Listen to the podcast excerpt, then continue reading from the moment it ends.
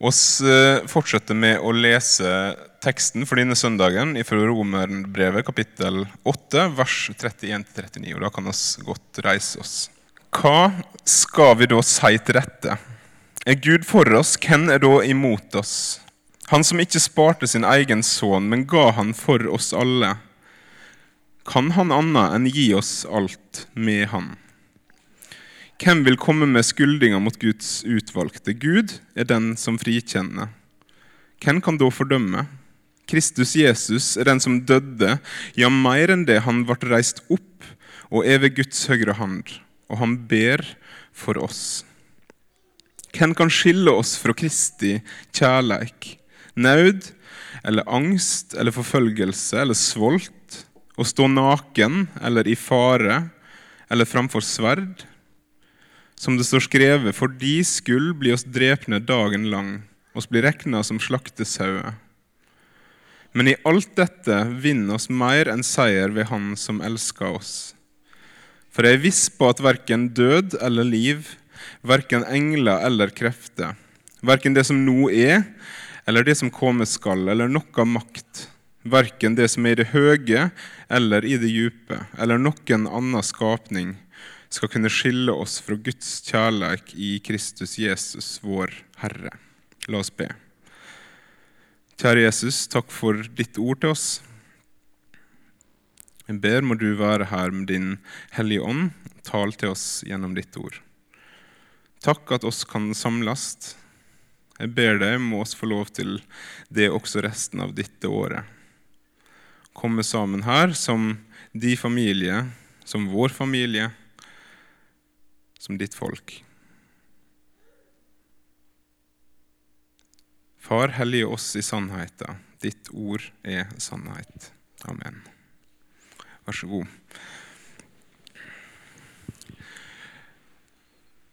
Jeg, skal jo i hvert fall være da, ungdomsalibiet her eh, i misjonssalen. Men jeg, eh, når jeg leste denne teksten i forberedelsen, så var det en Kingo-salme jeg begynte å tenke på. Fordi denne teksten den sier noe om seier, noe om håp.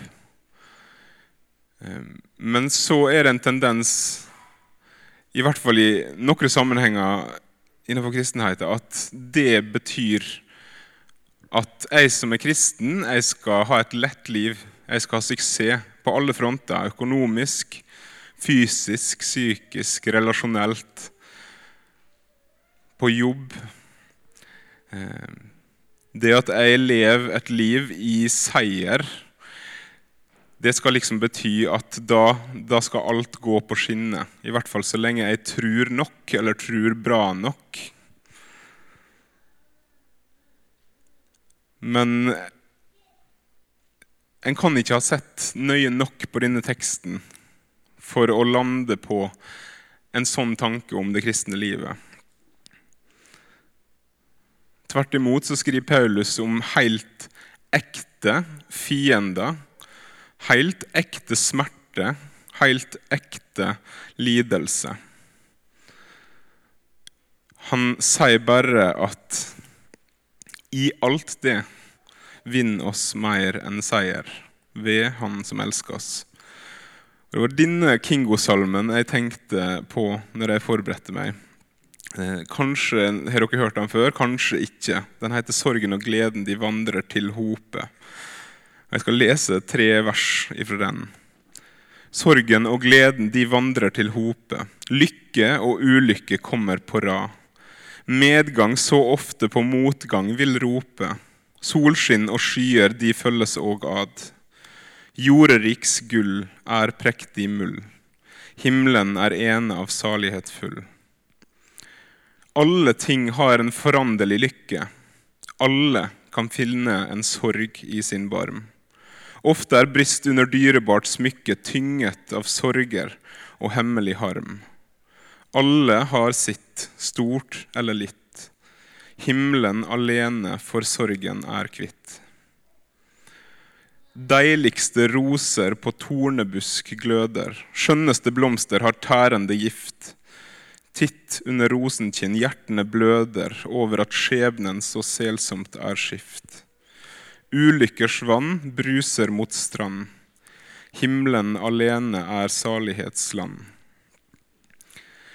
Denne salmen, flere vers i den, men den setter ord på noe som jeg mener går igjen i hele Det nye testamentet, ja, i hele Bibelen egentlig. Hvis vi ser nøye nok på de personene vi møter, eh, på det de sier, på det de skriver, så ser vi at det å være Gud sin, eller det å være Jesus sin, slett ikke garanterer et enkelt liv. Denne teksten fra romerbrevet og teksten til Kingo snakker om at livet slett ikke alltid er enkelt. Alle oss som sitter her i dag, har med oss kamper. Alle som sitter her i dag, har med oss kamper som oss har tapt. Antageligvis har de aller fleste av oss i hvert fall relasjoner som har blitt ødelagt. Sår som andre har påført oss, eller som oss har påført andre ting som oss så gjerne skulle hatt usagt eller ugjort, og ting som også gjerne skulle hatt usagt eller ugjort mot oss. Ting vi skulle ønske oss slapp. Ting vi skulle ønske ble annerledes enn det det til slutt ble. Ting vi angrer på. Det er bare idioter som etter et langt liv sier 'jeg angrer ingenting'. Livet har gitt oss alle vanskelige ting å hanskes med. Men så virker det likevel da, som at noen har fått lite, noen har fått mye, noen har fått litt, noen har fått stort, som Kingo skriver. Noen av oss står kanskje midt oppi det vondeste vi har opplevd nå. Og hvor er Gud, og hva er vitsen med å følge Jesus når det er sånn? Hvis det ikke hjelper, på en måte? Svaret på det, det er det dagens tekst og Kingo sin salme prøver å vise oss til. Ett svar, i hvert fall.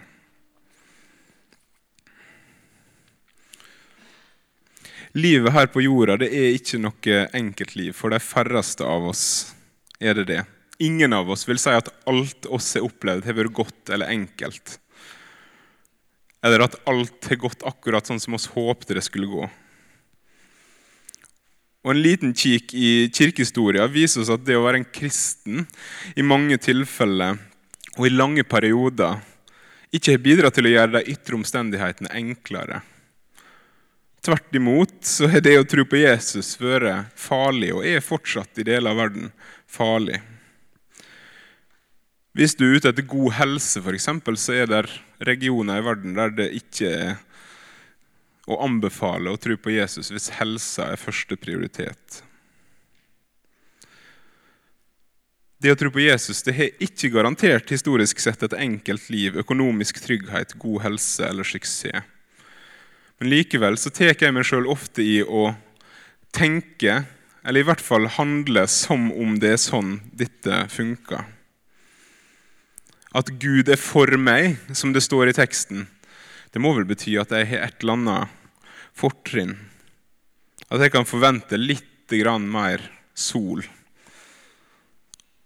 At jeg kan forvente at gode ting kommer min vei.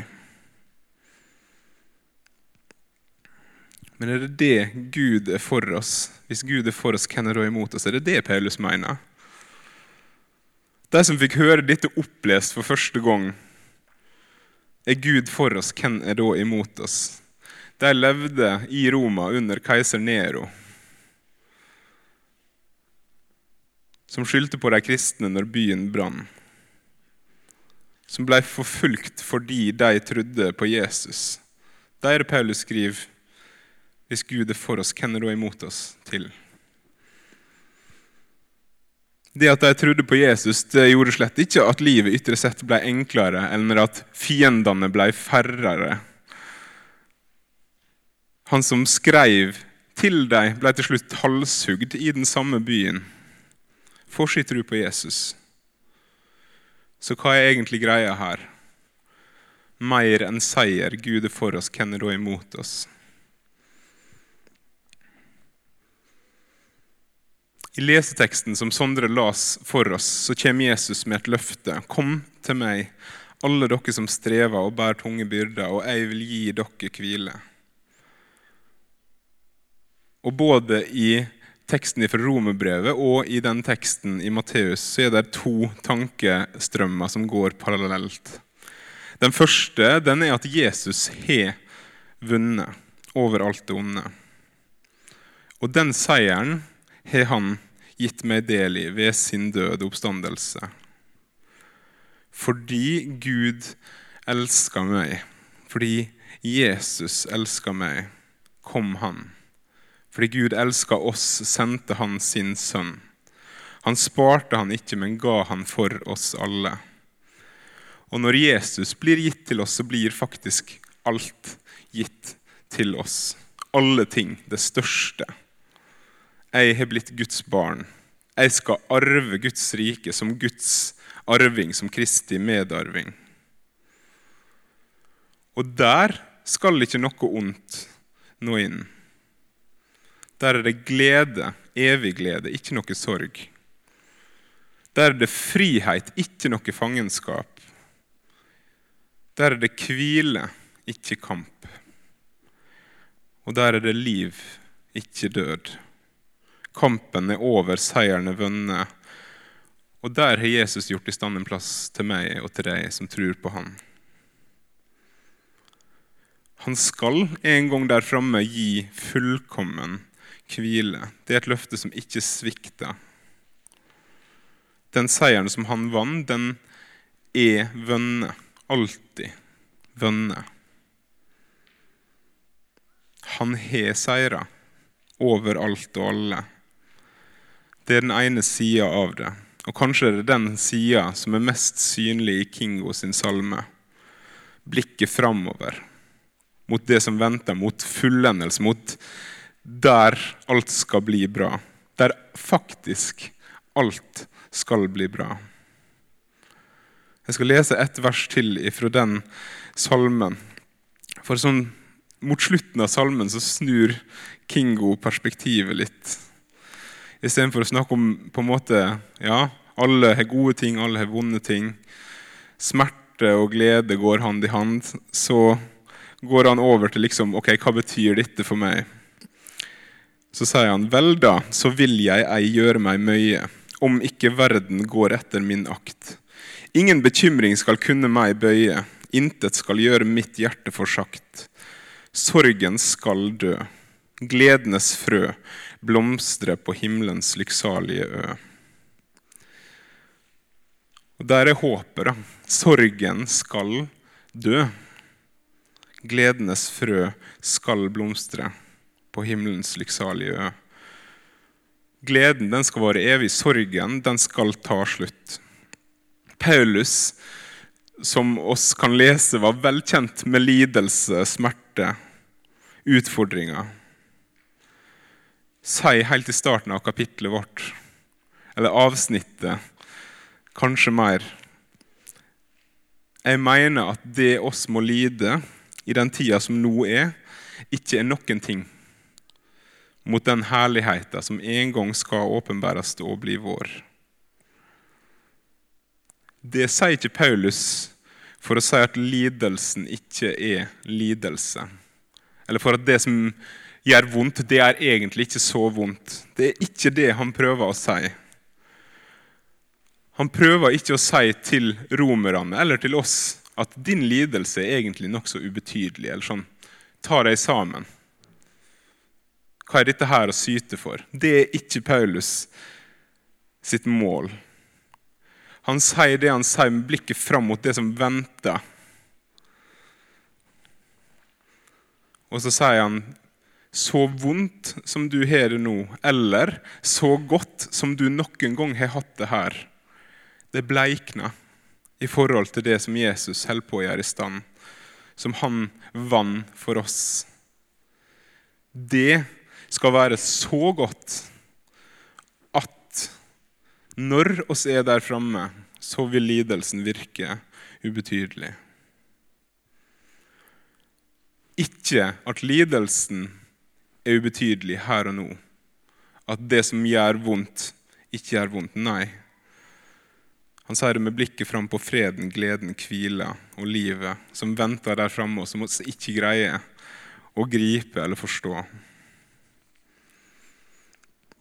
Det er trøsten som Kingo peker på, og som Paulus peker på, og som Jesus peker på. Men det er ikke den eneste trøsten som blir gitt oss her. For her er den andre tankelinja i teksten, og i teksten fra Matteus. Jesus sier at han vil gi oss hvile. Det Jesus mener da, er at han vil gi oss hvile. Jesus sier ikke kristenlivet det beveger seg mellom kamp og hvile. Som en slags rytme, nesten. Noen ganger er det mest kamp, andre ganger er det mest hvile. Men det er mellom de to ytterpunktene oss lever livet vårt i trua på Jesus. Og Jesus lover at han skal gi oss hvile. I teksten fra Romerbrevet så understreker Paulus hvem Jesus er, for det første. Han er Guds sønn som kom ned. Hva han gjorde for det andre. Han døde og ble reist opp. Men han stoppa ikke der heller. Han snakka om hva han gjør. Hva han gjør akkurat nå, for akkurat oss.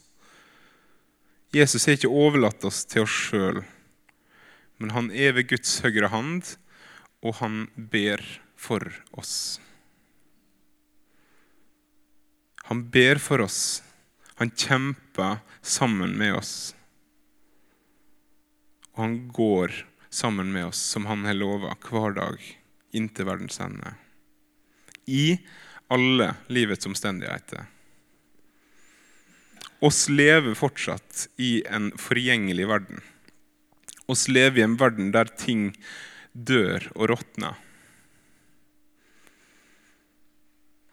Verden, står det i et annet brev, sukka etter å bli forløst. Etter den dagen da det fullkomne skal bli vårt. Fordi da skal også verden bli gjort ny. Uforgjengelig, perfekt. Men inntil videre så lever oss her, der verden dør, der mennesker dør, der relasjoner dør, blir ødelagt. Midt i alt det så vil han gi oss hvile. Livet våre her på jorda er på mange måter en kamp. Men Jesus går med også i kampen og går i forbønn for oss. Og Det er en stor trøst for meg å vite da hvem han er, denne Jesus som ber for meg som har omsorg for meg, som bryr seg om akkurat meg. Det var han som ga avkall på sitt eget og steig ned, blei menneske for å frelse meg.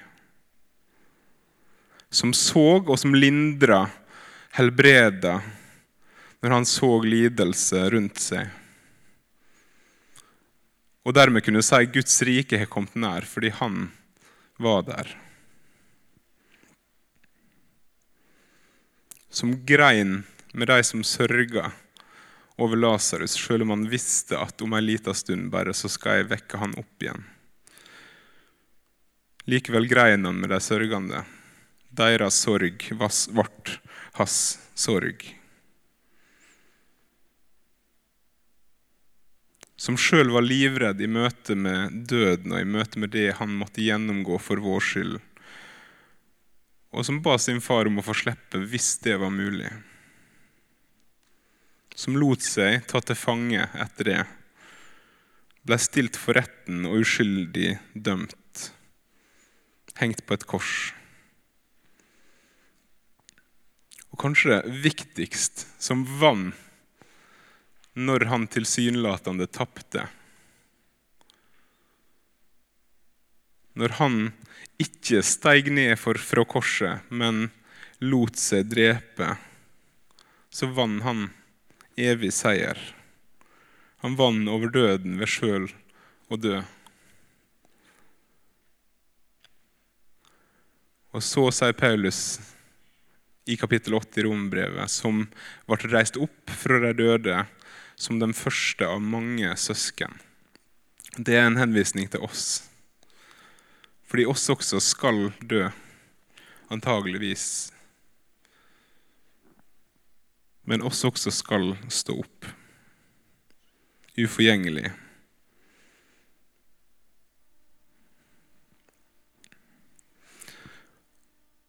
Og så er det han som sier til sine at 'jeg har fått all makt i himmelen og på jorda'. Og som følger opp det med å love å gå med meg hver eneste dag inntil verdens ende. Det er han som ber for meg. Det er han som ber for deg. En som er kjent med lidelse, som veit hva det vil si å være menneske. Som har gått langs de stiene som oss går langs i livet våre. Han er det som ber for meg. Og så er det han som har makt til å faktisk gi hvile. Hvem skal kunne vinne over en slik kjærlighet når denne kjærligheten har vunnet over alt?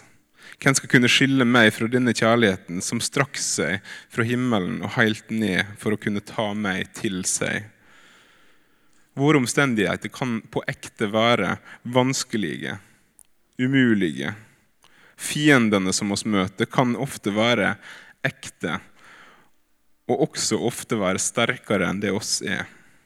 Nød, angst, forfølgelse, svolt, å stå naken, i fare eller foran sverd. Det er de eksemplene som Paulus gir her når han ramser opp. Kjempetøft, utrolig vanskelig. Paulus prøver ikke å si at det er ubetydelig. Det er nettopp det som gjør teksten enda sterkere. At det ikke er bagatellisering, det er tvert imot en sånn til tross for dette, som er så vanskelig, så mørkt, så utrolig tungt. Så sier Paulus at oss har vunnet mer enn seier ved Han som elsker oss. Det er ikke for å si til meg eller til deg at burde være enklere for deg egentlig det du går igjennom nå, når du tror på Jesus. Eller at det er bare å tro på Jesus, så kommer alt til å ordne seg. Så kommer angsten til å forsvinne, så kommer alt til å bare bli bra. Det er ikke det Paulus prøver å formidle, det er ikke det jeg ønsker å formidle. Det er ikke det Jesus lover heller. Våre mørkeste dager er faktisk mørke. Når oss ser det vanskelig, så har oss det faktisk vanskelig. Det er også en del av det å være menneske. Men da har oss en å rope til, og han oss roper til, ber allerede for oss. Bibelen er, takk Gud for det, full av historier om mennesker som også opplever at livet skifter. Hvis vi skal lære hvordan det å være menneske, eller hva det vil si ut fra Bibelen, så lærer oss i hvert fall at det ikke er enkelt.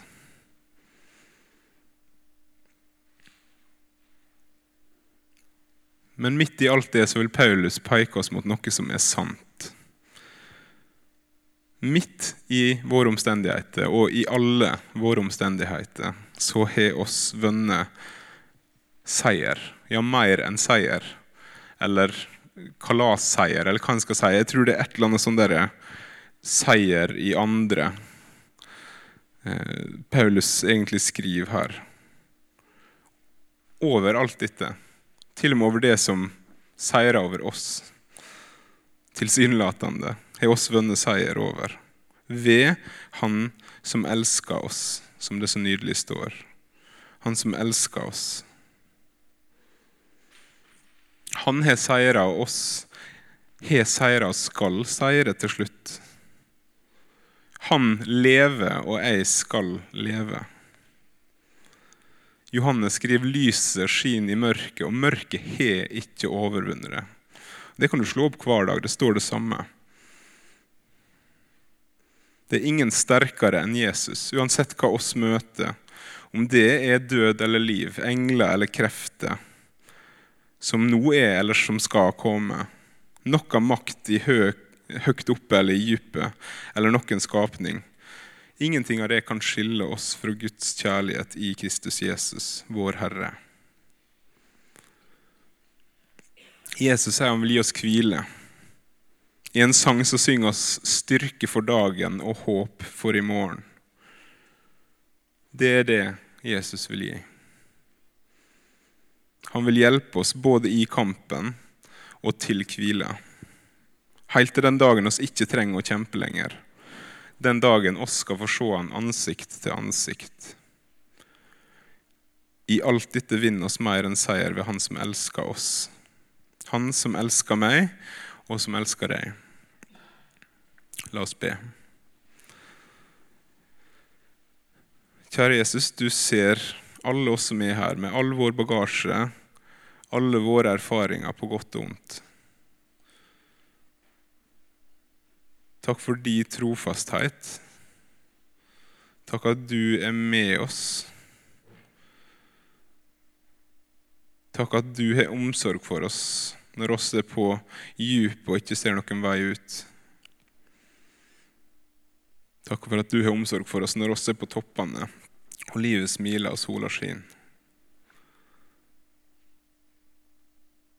Så vil jeg be deg om at oss må få lov til å være sånne som kommer til deg, som roper på deg, som påkaller deg når vi ser det vanskelig. Så ber jeg også om at oss må få lov til å møte hverandre i vår smerte, i vår nød, med de vanskelige tinga, uten å gi for enkle svar på vanskelige spørsmål. Uten å tvinge på noen ei hjelp som de egentlig ikke ba om eller trengte. Men hjelp oss å lytte til hverandre, ta hverandre på alvor, bære byrdene for hverandre. Og slik kanskje få lov til å være et bønnesvar for noen som trenger hvile. Jesus, du ser hvem her i salen som sukker etter hvile akkurat nå. Som ikke ser seieren klart for seg, men som tvert imot føler at de holder på å drukne. Jeg ber deg, må du gi dem hvile. Du kjenner oss, du ser oss, du har omsorg for oss vår ypperste prest, som er prøvd i alt på samme måte som oss. Må du ha omsorg for oss også nå i tida som ligger foran oss. Takk for din seier som ble vår seier. Må oss få lov til å leve i den. I alle omstendigheter. I ditt navn. Amen.